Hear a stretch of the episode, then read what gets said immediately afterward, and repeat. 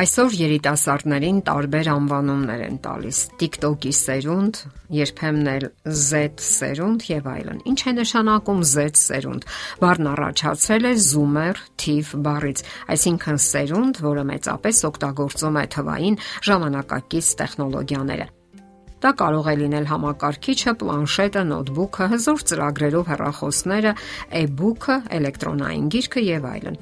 Եվ այս շարքը համալրվում է ոչ թե տարիներով, այլ անգամ օրերով։ Իսկ ինչպիսին են նրանք այդ Z սերնդի երիտասարդները, ինչ բնորոշ առանձնահատկություններ ունեն եւ ինչով են աչքի ընկնում։ Նրանք նախ եւ առաջ համարցակ են եւ անկախ, փորձում են խորտակել արգելապատնեշները եւ վստահեն իրենց վրա։ Նրանց հերոսները ոչ թե տիեզերագնացներն են կամ գիտնականները, այլ շոու աշխարհի աստղերը եւ բլոգերները։ Ծնվելով հերախոսը ձեռքներին, նրանք մեկ վարքյանում ճանաչում են աշխարհը։ Այդ սերնդի մասին վիճաբանություններ են ընթանում, նրանցով հիանում են եւ գովաբանում, թեև երբեմն թերահավատության ձայներ են հնչում, սակայն դա այն իրականությունն է, որի մեջ ապրում ենք եւ հարկավոր է ընդունել այդ ամենը բնականon եւ առանց ավելորդ լարվածության։ Այդ սերունդն էր նաև, որ մեր հայրենիքում կարողացավ դիմադրել համաշխարային բանդայի հրոսակներին Արցախյան հերոսամարտում 44 օր պայքարելով տարբեր երկրների կանոնավոր բանակների ու վարձկան հրոսակների դեմ։ Որոշ մեծահասակներ իհարկե թերահավատորեն են վերաբերվում նրանց, սակայն ճշմարտությունը պահանջում է ասել, որ հասուն եւ մեծահասակ սերունդը սովորելու բավականին բան ունի նրանցից։ Դա կարող է լինել թվային տեխնոլոգիաների հետ վարվելն ու հմտությունները, անձնական հարաբերություններ կառուցելը եւ այլն։ Չնայած այն բանին, որ աշխարհում սերնդեսերունդ փոխվում են արժեքները, այնուամենայնիվ անznական երջանիկ կյանքը մարդու առաջնահերթություններից մեկն է եղել եւ շարունակում է այդպիսին էլ մնալ։ Եվ որպես կանոն հարաբերություններ կառուցելու արվեստը սովորաբար երիտասարդներն են սովորում հասուն սերնդից, թեև մեր օրերում չի բացառվում նաեւ հակառակը։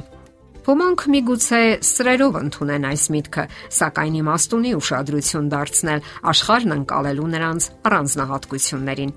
Ինչպես են նրանք խորտակում ընդունված պատկերացումներն ու կարծրատիպերը։ Նրանք միգուցե ռոմանտիկ են, սակայն այդ ռոմանտիկայի մեջ իրատեսական ու սթափ մոտեցումներ կան։ Հոգեբաններն առանձնահատուկ նշում են այն սերնդին, ովքեր ծնվել են 1997 թվականից այս կողմ։ Նրանք էլ հենց Z սերունդն են կամ այսպես կոչված զումերները։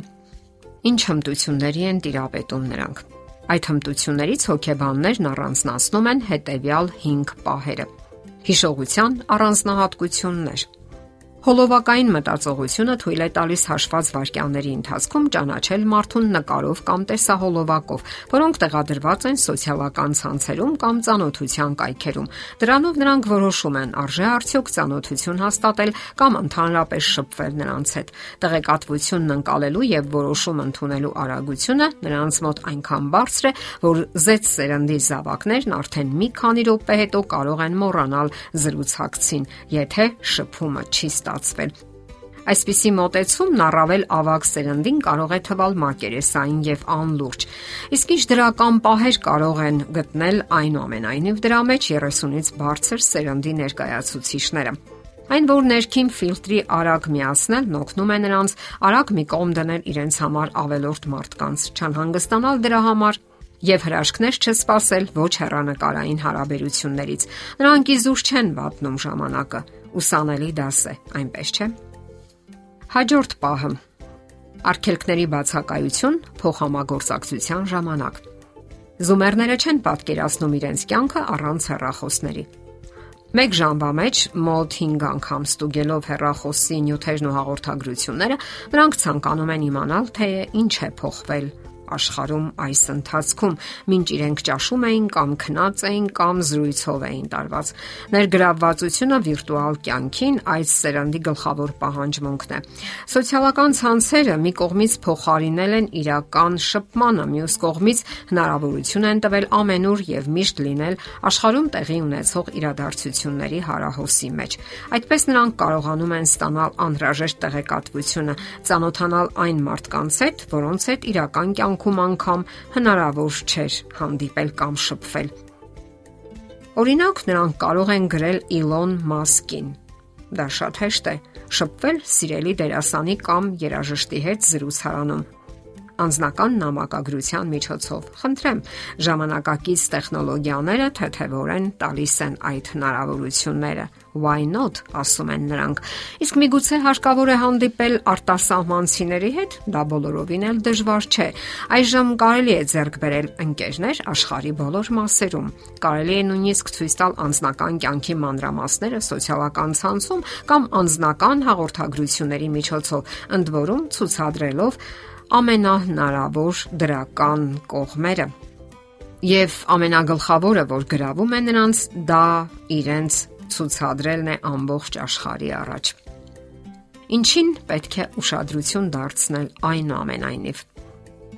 Երիտասարդներին արժե հորդորել, որ զգուշություն պահպանեն։ Ոչ ոք չգիտի դեռևս թե ինչի կհանգեցնի վիրտուալ կյանքը ապագայում, սակայն པարզ է մի բան՝ ջնջվում են սահմանները։ Այլևս չկան նախկին նախապաշարումները համացանցային ծանոթությունների, հարաբերություններ կառուցելու հետ կապված։ Կարելի է գնալ վիրտուալ հանդիպումների, նստել հաճելի Zoom սենյակում, որը հնարավորություն է տալիս ձեր երևակայությանը աշխատելու լրիվ ուժով։ Կան Z սերանդի այլ առանձնահատկություններ եւս, որոնց մասին կխոսենք հաջորդ հաղորդումների ընթացքում։ Եթերում ճանապարհ երկուսով հաղորդաշարն է։ Հարցերի եւ առաջարկությունների համար զանգահարել 033 87 87 87 հեռախոսահամարով։